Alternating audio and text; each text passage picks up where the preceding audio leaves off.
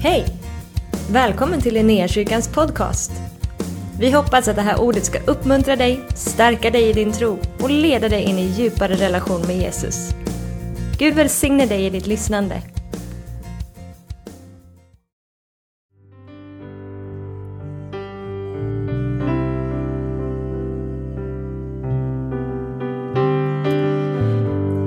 Allsmäktig Gud, vi välkomnar dig in i våra öppna hjärtan. Herre, du, du är inte frånvarande, men vi vill på det här sättet säga att du är välkommen in i mitt hjärta, in i våra hjärtan, att göra det som du vill göra. Allsmäktig, kärleksfull Gud.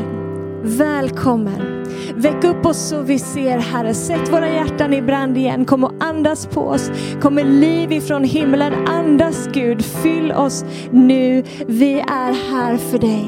Vi är här för dig. Om det inte vore för dig Gud så hade vi kunnat göra någonting annat i den här stunden. Om det inte vore för dig så behövde vi inte sitta här och lyssna. Vi behövde inte vara här och, och lovsjunga dig. Men du är våran anledning Herre. Vi samlas kring dig. För att vi längtar efter att möta dig igen. Vi längtar efter att få höra dig tala. Vi längtar efter att få bli vidrörda i våra hjärtan igen. Att få bli förvandlade, få bli formade Gud. Luta oss in i det som du har för oss Herre. Så vi ber så som vi sjöng här nu att låt ditt ord idag få spränga gränser. Låt det få spränga gränser på våran insida. Låt det få spränga eh, de boxar som vi ibland sätter ditt ord i. Murar som kanske finns i våra hjärtan, begränsningar som vi har satt upp för oss själva, lock som vi har satt för oss själva. Låt ditt ord få spränga det idag i våra liv. I Jesu namn. Amen. Amen. Tack så jättemycket. Eh, kul att du har eh, tittat in en liten stund och eh, hoppas att du ska vilja fortsätta sitta här och titta en liten stund till. Jag heter Lovisa Tolerud och eh, jobbar här i Linnéakyrkan som pastor. Eh, förra veckan så, oh, hjälp, lite röst eh, vajsing med rösten.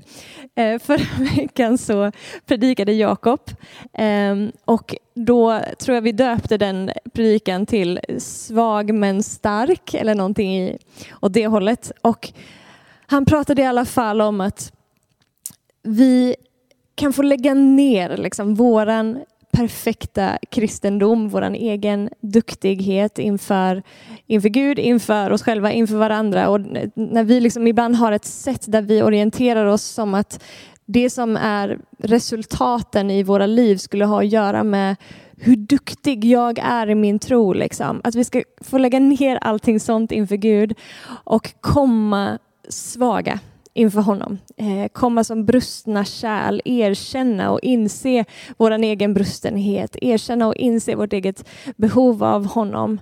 Eh, komma ödmjukt liksom inför honom eh, och leva på platsen där jag slutar tänka att jag är lösningen på varje situation som jag möter eller på varje problem som jag möter och där jag sätter tilliten till mig själv och istället får leva på platsen där min fulla tillit är till honom. Där jag har lagt hela min tyngd på Gud. Där jag eh, liksom litar på att han är 100 procent av min lösning på något sätt. Det är han som är svaret. Det är inte jag och mina försök och mina strävan min strävan och liksom min, min fina etik och moral, det är, inte, det är inte därpå jag bygger. Det är, inte, det är inte grunden som vi står på. Utan i våran svaghet så får han lysa desto starkare. I min brustenhet så får hans liv och hans eh, kraft på något sätt bli synlig, göra sitt inträde och förlösas i och genom mitt liv. Och jag tänker att jag idag ska försöka göra någon slags eh, fortsättning på det där budskapet ehm, och prata lite mer kring just för Jakob använder det uttrycket flera gånger, att kraften fullkomnas i svaghet, eller när jag är svag så är jag stark. Hur kan den här kraften förlösas och verka i ditt och mitt liv och hur kan vi verka i den? Om nu svagheten, brustenheten, Eh, ödmjukheten är själva inkörsporten in i det. Hur kan vi sen då leva i det och se det förlöst i våra liv, i och genom våra liv? Ehm, om svagheten och ödmjukhet, ödmjukheten är själva inkörsporten, vad är då själva färdmedlet som gör att vi kan röra oss och leva i den kraften? Jakob använder som sagt uttrycket att eh, när du är svag så är du stark. Eh, och det kan ju tyckas, liksom när man hör det sådär, vara ganska, ett ganska paradoxt uttalande. Alltså, it doesn't really make sense för det mänskliga sinnet. Och Bibeln är helt full av sådana där till synes paradoxer. Alltså när du, är, när du är svag så är du stark. Eh, Jesus säger om du mister ditt liv för min skull så ska du vinna det. Eh, om du ödmjukar dig så ska du bli upphöjd. Eh, om du ger så ska du få. Alltså det, kontrasterna målas hela tiden. Eh, och ibland så säger han också saker som är liksom, inte nödvändigtvis paradoxer, men som är helt för det mänskliga sinnet helt bara knäppt. Typ, eh, älska dem som du egentligen har anledning att hata. eh, hur, hur i hela fridens namn ska man göra det? Eh, eller bara, alltså det är ju en typ av uppmaning. Älska den som du egentligen har anledning att hata. Ibland kan Gud också bara ge löften som i sig själva också är helt befängda utifrån ett mänskligt perspektiv. Och jag tänker till exempel på en sån grej som Abraham och Sara, när Gud säger till Abraham att jag ska göra dig till far för många folk. Eh, och Abraham är liksom så gott som död. Och, och Sara är också så gott som död nästan. Det är mänskligt sett helt omöjligt att de ska kunna få ett barn. Och så ändå så säger Gud det här. Alltså alla de här sakerna eh, ut, uppmaningar, löften eller de här paradoxerna som jag nämnde innan. För mänsklig logik så är det verkligen helt knäppt. Det går inte att ta till sig. Men med Guds logik så är det inte knäppt. Med Guds logik så it makes perfect, perfect sense. Guds ord är sant. Och när Jesus kallar lärjungar så säger han omvänd er och tro evangelium. Omvänd er och tro evangelium. Vad är, vad är det han gör? Han, han inbjuder eller uppmanar oss att omvända oss från ett sätt att tänka till hans sätt att tänka. Det här säger min mänskliga logik. Det här är liksom vad som funkar i mitt sätt att resonera. Det här säger Gud. Och så säger han, här borta har du levt, nu är det tid för dig att omvända dig från det och tro, inte bara tro i största allmänhet, men du ska tro evangelium, alltså de goda nyheterna, du ska tro Guds ord. Hela vårt förhållningssätt blir radikalt omvänt. Han kallar oss från ett rike till ett annat. Han insätter oss liksom tar oss från ett rike och insätter oss i sitt rike där agendan är en annan, där förhållningssättet är ett annat, där, där tankesättet är ett annat och, och vi kan få orientera oss och röra oss kring det som han säger nu utifrån hans verklighet och vi kan få ta emot det som är hans tankar. Vi kan få ha Jesu Kristi sinnelag. När Jesus i Matteus evangeliet kapitel 5 till 7, det är ett avsnitt som kallas för bergspredikan, så på något sätt målar Jesus upp livet i Guds rike. Så som, han, så som, som ett liv i Guds rike ser ut helt enkelt. Vad har man för håll, förhållningssätt, för attityd i livet tillsammans med Gud? Då börjar han hela den predikan med någonting som vi kallar för saligprisningarna. Och där är den första salig, saligprisningen. Saliga är de som är fattiga i anden. De tillhör himmelriket. Vad betyder det att vara fattig i anden? Det pratar om det som Jakob var inne på förra veckan. Jag inser mitt behov av en frälsare. Jag inser mitt behov av Gud i mitt liv. Jag kommer inte med min egen duktighet, jag kommer inte med min egen förmåga, jag kommer inte med mitt eget CV, med mina egna meriter och tänker det här, det här fixar jag. Jag är en ganska bra person, jag är ganska bra på att älska människor, ganska bra på att förlåta, jag är också ganska bra på att ge. När Jesus målar upp livet i Guds rike så sätter han standarden här uppe. Och han säger, var fullkomliga så alltså, som er fader i himlen är fullkomlig. Lycka till med den i, i din egen kraft. Det är rätt, rätt så kört. Men hela inkörsporten in i livet i Guds rike som, som Jesus liksom bam, slänger ut där först. Saliga är de som är fattiga i anden, de tillhör himmelriket. Så den brustenheten, den insikten i att i min egen kraft så är allt det här som du pratar om, Jesus, allt det här som du säger att jag ska leva i mitt liv som lärjunge, det är omöjligt utan dig. Och när vi befinner oss på den platsen i våra liv, då händer det någonting, då skiftar någonting i oss. För helt plötsligt så blir det som var omöjligt möjligt. För vi har inbjudit Gud att vara vår kraft, vi har inbjudit Gud att vara vår källa, Gud att vara vårt liv, vinden i våra segel. Jag bygger inte på mig själv utan han får vara det. Så det som känns, det omöjliga blir möjligt när vi inser att det är omöjligt utan honom. Men då blir det möjligt tillsammans med honom.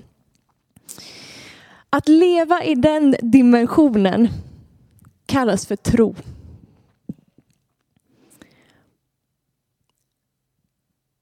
Tro rör sig i en dimension. Det är svårt att förklara det här på ett sätt som, som inte låter flummigt har jag märkt. Men tro rör sig i en dimension som går bortom mänsklig logik. Som går bortom mänskligt förstånd, som går bortom mina referensramar, som går bortom mina känslomässiga eh, upplevelser.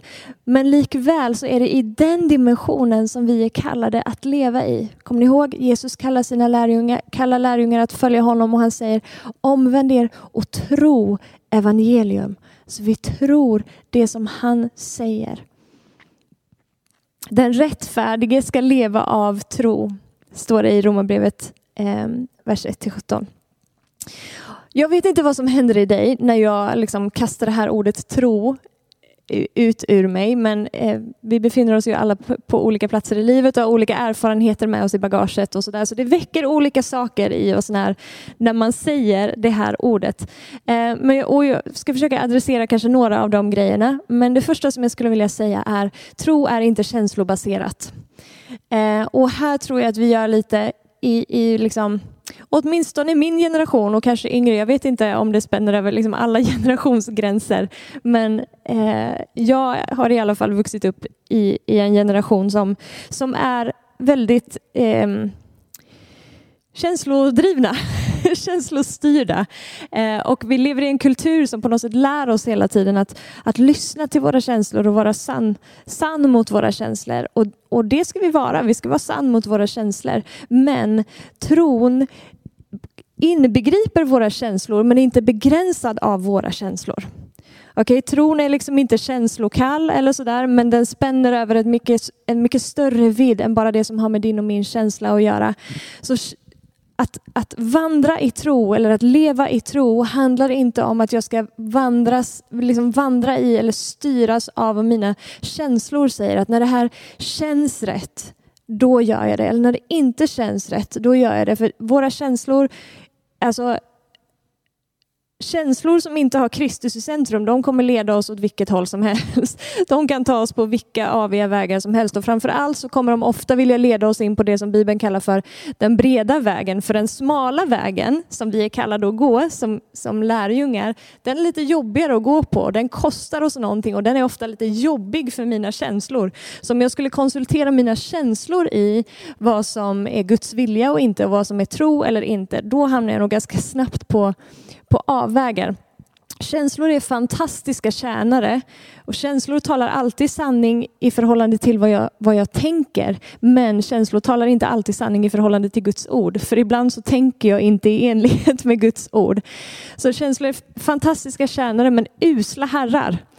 Så jag vill inte ledas och drivas av mina känslor. Jag vill ledas och drivas av Guds ande i mig.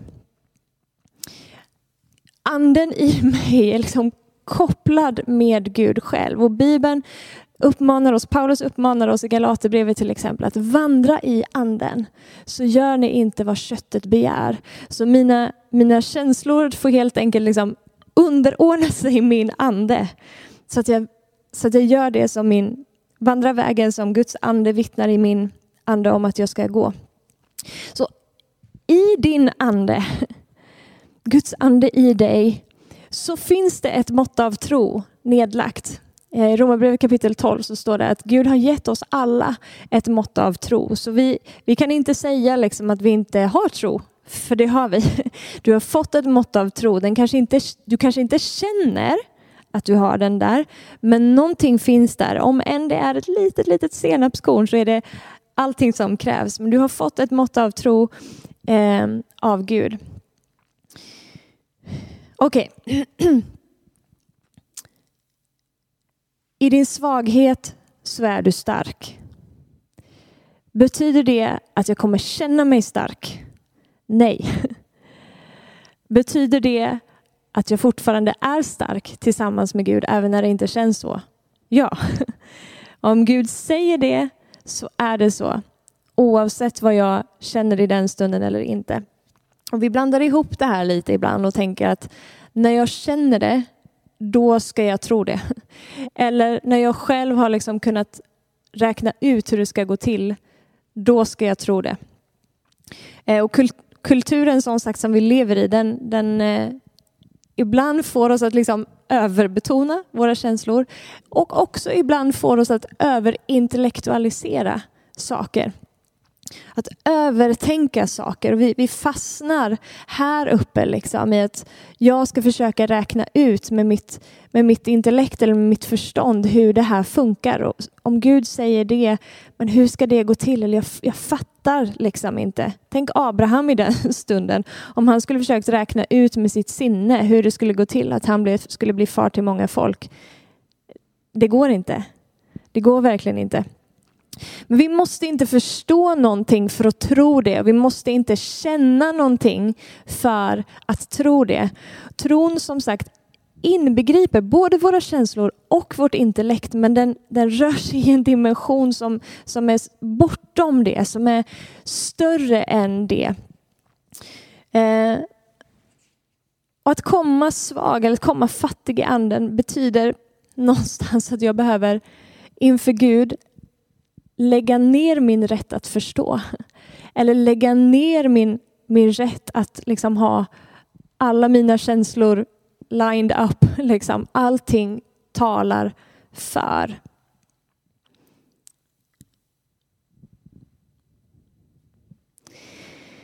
Jag vet inte om du någon gång har hört någon säga, men jag har hört det sägas i alla fall, att eh, ni frikyrkokristna, ni har ju liksom bara lämnat intellektet hemma, typ. Alltså enda anledningen till att ni tror är för att ni inte förstår bättre, ungefär. Och så lite allmänt dumförklarande så. Men Gud är ju inte anti antiintellektuell eller anti-känslomässig för den delen heller.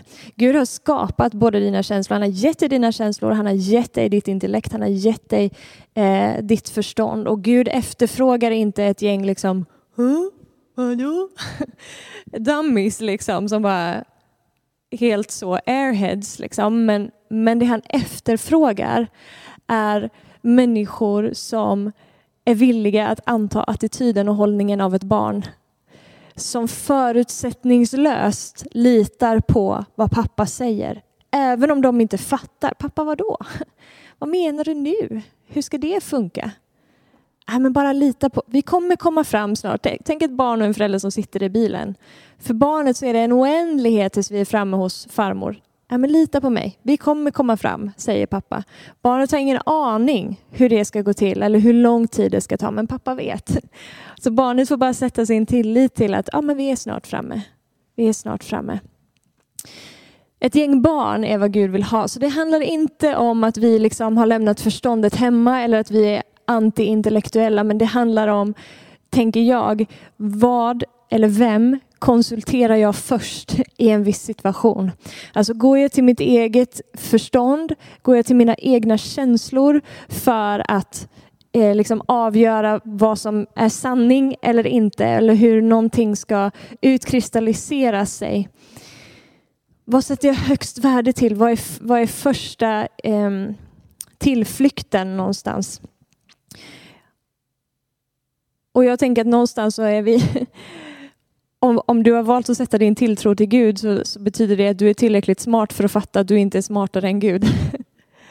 för då hade du varit Gud. Men sätter man sin tillit till honom så har vi någonstans förstått ändå att okej, okay, Gud vet mer. Han kan mer. Hans vishet är större än min vishet. Hans förstånd är större än mitt förstånd. Eh, Gud i sin dumhet, han har ingen dumhet, men om det vore så så skulle han ändå vara smartare än vad vi var i, i vår vishet. Så att tro handlar någonstans om att sätta sin fulla tillit till Gud. Alltså jag lutar mig inte bara lite grann och lite så kvar i det andra. Om jag skulle ha en stol här och sätta mig på den. Jag kan, ju se, jag kan stå innan och titta på den här stolen och säga ja men jag tror att den kommer hålla för min vikt.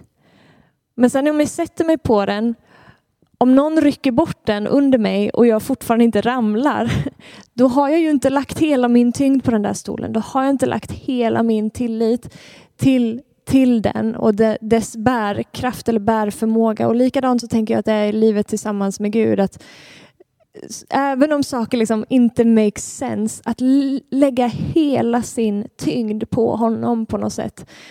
Ordspråksboken kapitel 3 och vers 5 säger förtrösta på Gud av hela ditt hjärta, förlita dig inte på ditt eget förstånd. Räkna med honom på alla dina vägar och så ska han göra dina eh, stigar jämna. Eh, varför är jag inne på det här? Jo, vi pratar om hur kan Guds kraft förlösas i och genom våra liv? Hur kan vi vandra i den kraften? Jag tror att ibland så är vi så fast i vårt förstånd eller i våra känslor och vill inte riktigt släppa taget om det. Och det blir liksom ett hinder på vår insida att, att få se den här kraften fullt ut bli förlöst. Att fullt ut sätta sin tillit eller tro, om du så vill, till Gud är nyckeln till att se hans liv förlöst i dig och genom dig. Jag vet inte om du har hört någon säga det, eller mig säga det kanske till och med, men eh, eh, jag har sagt det några gånger i alla fall, att tro är, tro är himmelens valuta. Alltså Guds ord är alltid sant och det kommer vara sant oavsett hur du och jag förhåller oss till det, oavsett vilken inställning du och jag väljer att ha till det. Men du kommer bara få se det verka i ditt liv om du väljer att sätta din tillit till det. Om du väljer att ta emot det som sanning i ditt liv och agera på det. Så, så tron är liksom det som löser ut Guds rikes verklighet i ditt liv. Därav att jag har sagt att det är som himmelens valuta. Tron är också liksom färdmedlet som vi färdas fram med i Guds rike. Det som vi rör oss i. Om tro är det som vi är kallade att leva i, leva av. Den rättfärdige ska leva av tro, läser vi från Romarbrevet 1 och 17. Eh, Jesus säger omvänd er och tro, evangelium, följ mig. Vad är då det här? Eh, för en del så har tro som ämne blivit ett kanske lite infekterat ämne eller ett infekterat ord. Eh, och det har blivit förknippat med eh, prestation och kramp kanske. Och du bara känner nu måste jag ta ifrån tårna för att ha en massa tro här liksom. Och bara allting i mig talar emot men nu bara åh, om jag bara tar i så att jag blir blå. Då kanske jag kan uppbringa den där tron. Men kommer ni ihåg vad hela inkörsporten var? Inkörsporten är fattigdomen i anden. Det är svagheten, det är brustenheten att inse att Gud, om inte du rör vid mig, om inte du helige ande fyller mig, om inte du kommer här och är motorn på min insida, då är jag körd. Det är våran ingång och det finns ingen kramp, det finns ingen eh, prestation i det. Sann tro, så här har jag skrivit, sann tro kommer inte som ett resultat av strävan. Sann tro föds i oss genom att vi hör Guds ord och väljer att ta emot det som sanning. Så enkelt sagt skulle man kanske kunna säga att tro är att hålla med Gud. Att säga ja till det som Gud säger ja till. Att eh, samarbeta med Gud, to partner with him. Att vandra i, i överensstämmelse eller vandra i överenskommelse tillsammans med Gud. Det är att vandra i tro. Djävulen jobbar övertid på att försöka få dig och mig att placera vår tro till någonting annat än Gud. Till hans lögner eller sätta vår tilltro till vår egen förmåga eller till våra pengar eller till våra relationer eller till en annan människas ord eller vad det än kan vara. Gud jobbar övertid på att hela tiden dra tillbaka vårt fokus till honom och hjälpa oss att överlåta oss till honom, att luta oss med allt vad vi är på honom och det som han säger. Okej. Okay. Oj, vad tiden springer iväg. Det här vill jag säga. Tro och handling går hand i hand i Bibeln. Tro är inte bara en grej som händer på våran insida. Tro är inte bara en attityd eller hållning eller en bekännelse som vi har eller som, som säger, även om det kanske börjar där. Eh, utan det är någonting som också inbjuder oss eller drar oss in i eller uppmanar oss att agera på det som vi säger att vi, att vi tror eller det som Gud på något sätt har fött på vår insida. Tron fullbordas och växer när vi agerar på den. Så om du känner så här, hjälp jag har typ ingen tro, den är liksom super, super liten, den är typ mindre än ett senapskorn. Den, den behöver inte alltid vara det. Den kan faktiskt växa. Och, men kom ihåg då att det är inte liksom din känsla här kring din tro som avgör hur stor din tro är. För ibland så är måttet på din tro avgörs vad, vad, du gör även när känslorna talar emot. Liksom. Eh, men, men tron är som en andlig muskel på något sätt. Att vi börjar på något sätt att, att göra någonting och så ser vi att det bär och sen gör vi lite till och gör vi lite till och så får vi, så får vi växa i det där och faktiskt röra oss framåt. Den rättfärdige ska leva av tro, av tro till tro. Alltså vi går från tro till tro till tro. Det är liksom någon slags progression i, i våran, vårt lärjungaskap eller våran efterföljelse till eh, Jesus. Eh, Jesus säger omvänd er, tro och följ mig.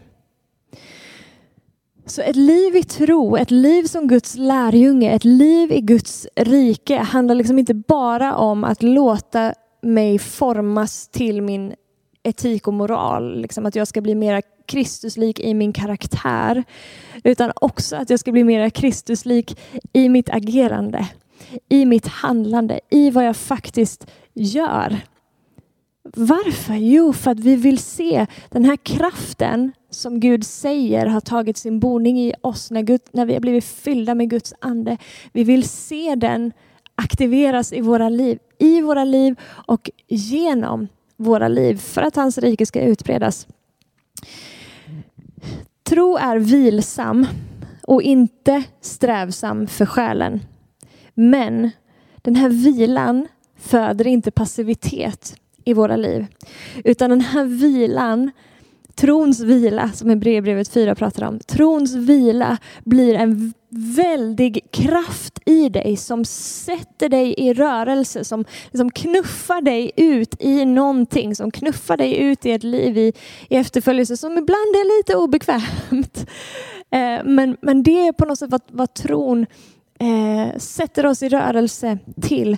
Men inte genom oss själva. Inte genom någon människas kraft eller styrka. Det är han som verkar i oss. Kommer ni ihåg? Inkörsporten är min brustenhet, min svaghet, min fattigdom i anden. Hans är kraften. Så tron sätter oss i rörelse. Jag tror någonting, jag agerar på det och Gud responderar på det som, eh, på det som jag eh, agerar på.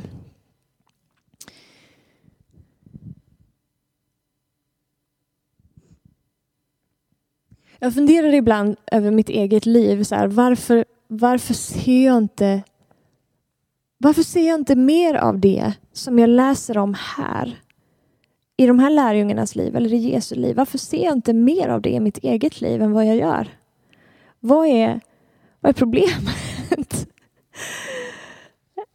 och det är ju lätt, och jag, jag säger inte det här med någon slags här shame on you fördömelsegrej utan bara så här, men vad är, vad är nyckeln? Liksom? Jag tror att nyckeln ett är, som vi har pratat om, att jag väljer att sätta min fulla tillit, luta mig med min fulla tyngd till det som Gud säger. Att faktiskt sätta min tro till det som han säger. Omvända mig från min egen logik, omvända mig från vad, vad mina känslor kan säga ibland eller vad mitt förstånd säger ibland. Till att tro det som han säger. Steg ett. Steg två, göra någonting av det. Jag tror att vi är utbildade över vår egen lydnad många gånger. Alltså vi har så mycket kunskap. Vi vet så mycket, många av oss vet så mycket om det här. Och vi gör så lite med det. Tänk om vi skulle börja agera på det som vi faktiskt säger att vi tror. Tänk om vi skulle lyda det. Vi behöver Guds ande. Vi ropar efter mer av Guds ande. Vi ber varje dag, helig ande, fyll mig. Jag behöver dig idag. Jag behöver dig för att kunna leva det här livet i Guds rike som du har kallat mig att leva. Jag behöver dig. Kom och fyll mig. Men vad gör jag med det sen? När han fyller mig. Vart, vart tar det vägen någonstans? Någon som jag hörde någon gång predika eh, Eh, sa så här att det kanske egentligen inte handlar om hur mycket mer vi kan få av Gud utan hur mycket han kan få av oss. Han har redan gett oss allt. Han gav sin son. Han skonade inte sin egen son. Och, och Bibeln säger hur han som inte skonade sin egen son, hur skulle han annat än att kunna skänka oss allt tillsammans med honom? Han har gett oss sin ande. Hans, hans, hans, han själv bor i oss. Hans kraft bor i oss. Vi har fått allt vad vi behöver. Du har fått allt vad du behöver för att leva ett liv i lärjungaskap. Du har fått allt vad du behöver för att leva ett liv i efterföljelse och för att se den här kraften, det livet som Bibeln talar om, för att se det vara en verklighet i ditt liv och, och genom ditt liv. Du har fått allt det. Kanske det handlar om hur mycket vågar jag ge till honom av mig själv? Hur mycket av min tillit, tro, vågar jag ge till honom? Det kanske får bli sista frågan som, eh, som jag lämnar oss med. Låt mig be en bön och så, så ska vi lovsjunga tillsammans.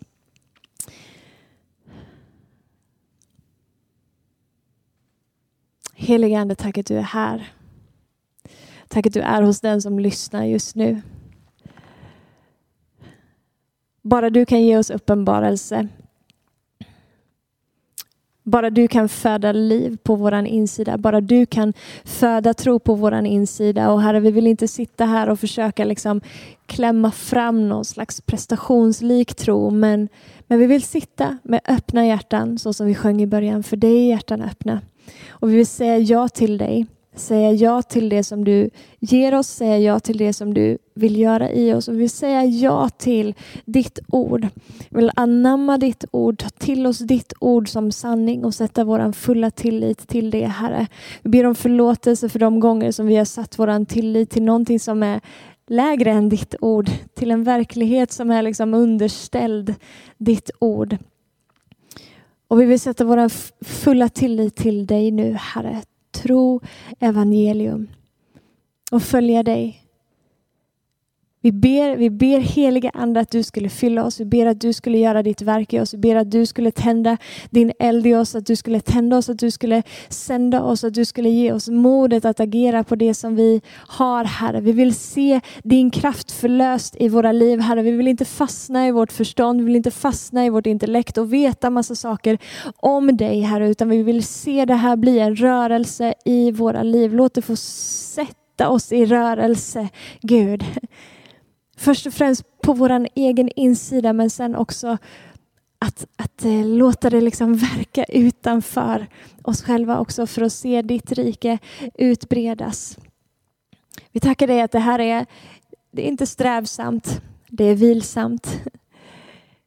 På något sätt så bara We simply bow to what you say. Väljer att villkorslöst ta emot det och för någon kanske det är så enkelt som att bara från den här stunden välja att tro att du faktiskt är älskad av Gud. Att från den här stunden välja att tro att du faktiskt är accepterad av honom. Välja att tro att hans välbehag vilar över honom. Att omvända dig från lögnen som dina känslor har kanske liksom sjungit i ditt ansikte att du inte alls är älskad eller att Gud är missnöjd med dig för att du har gjort si och så och si och så. Omvända dig från att sätta din tro till det till att istället ta emot hans ord. Sätta din tro till hans ord som säger att du är älskad, du är accepterad, du är utvald. Han gläder sig över dig. Hur agerar man på den tron sen? Genom att komma frimodigt inför honom. Genom att inte låta skuld och skam och fördömelse hålla dig tillbaka. Genom att inte låta för, fördömelse eller skuld och skam hålla dig tillbaka från att betjäna en annan människa för att du tänker att Gud inte vill använda dig för att du inte förtjänar det. Du börjar agera i enlighet med den tro som du har satt till Guds ord. För någon kanske det innebär att, eh, att ge någonting till någon eller till församlingen eller vad det än kan vara. För någon kanske det innebär att, att be för någon sätta den där tron i, i rörelse. Mm. Inte genom någon människas kraft eller styrka utan genom din ande ska det ske. Vi tackar dig för det Herre. I Jesu namn. Amen. Amen. Lovsångsgänget är redo. Vi, eh, vi tillber tillsammans och så kommer Alma upp och ber med oss.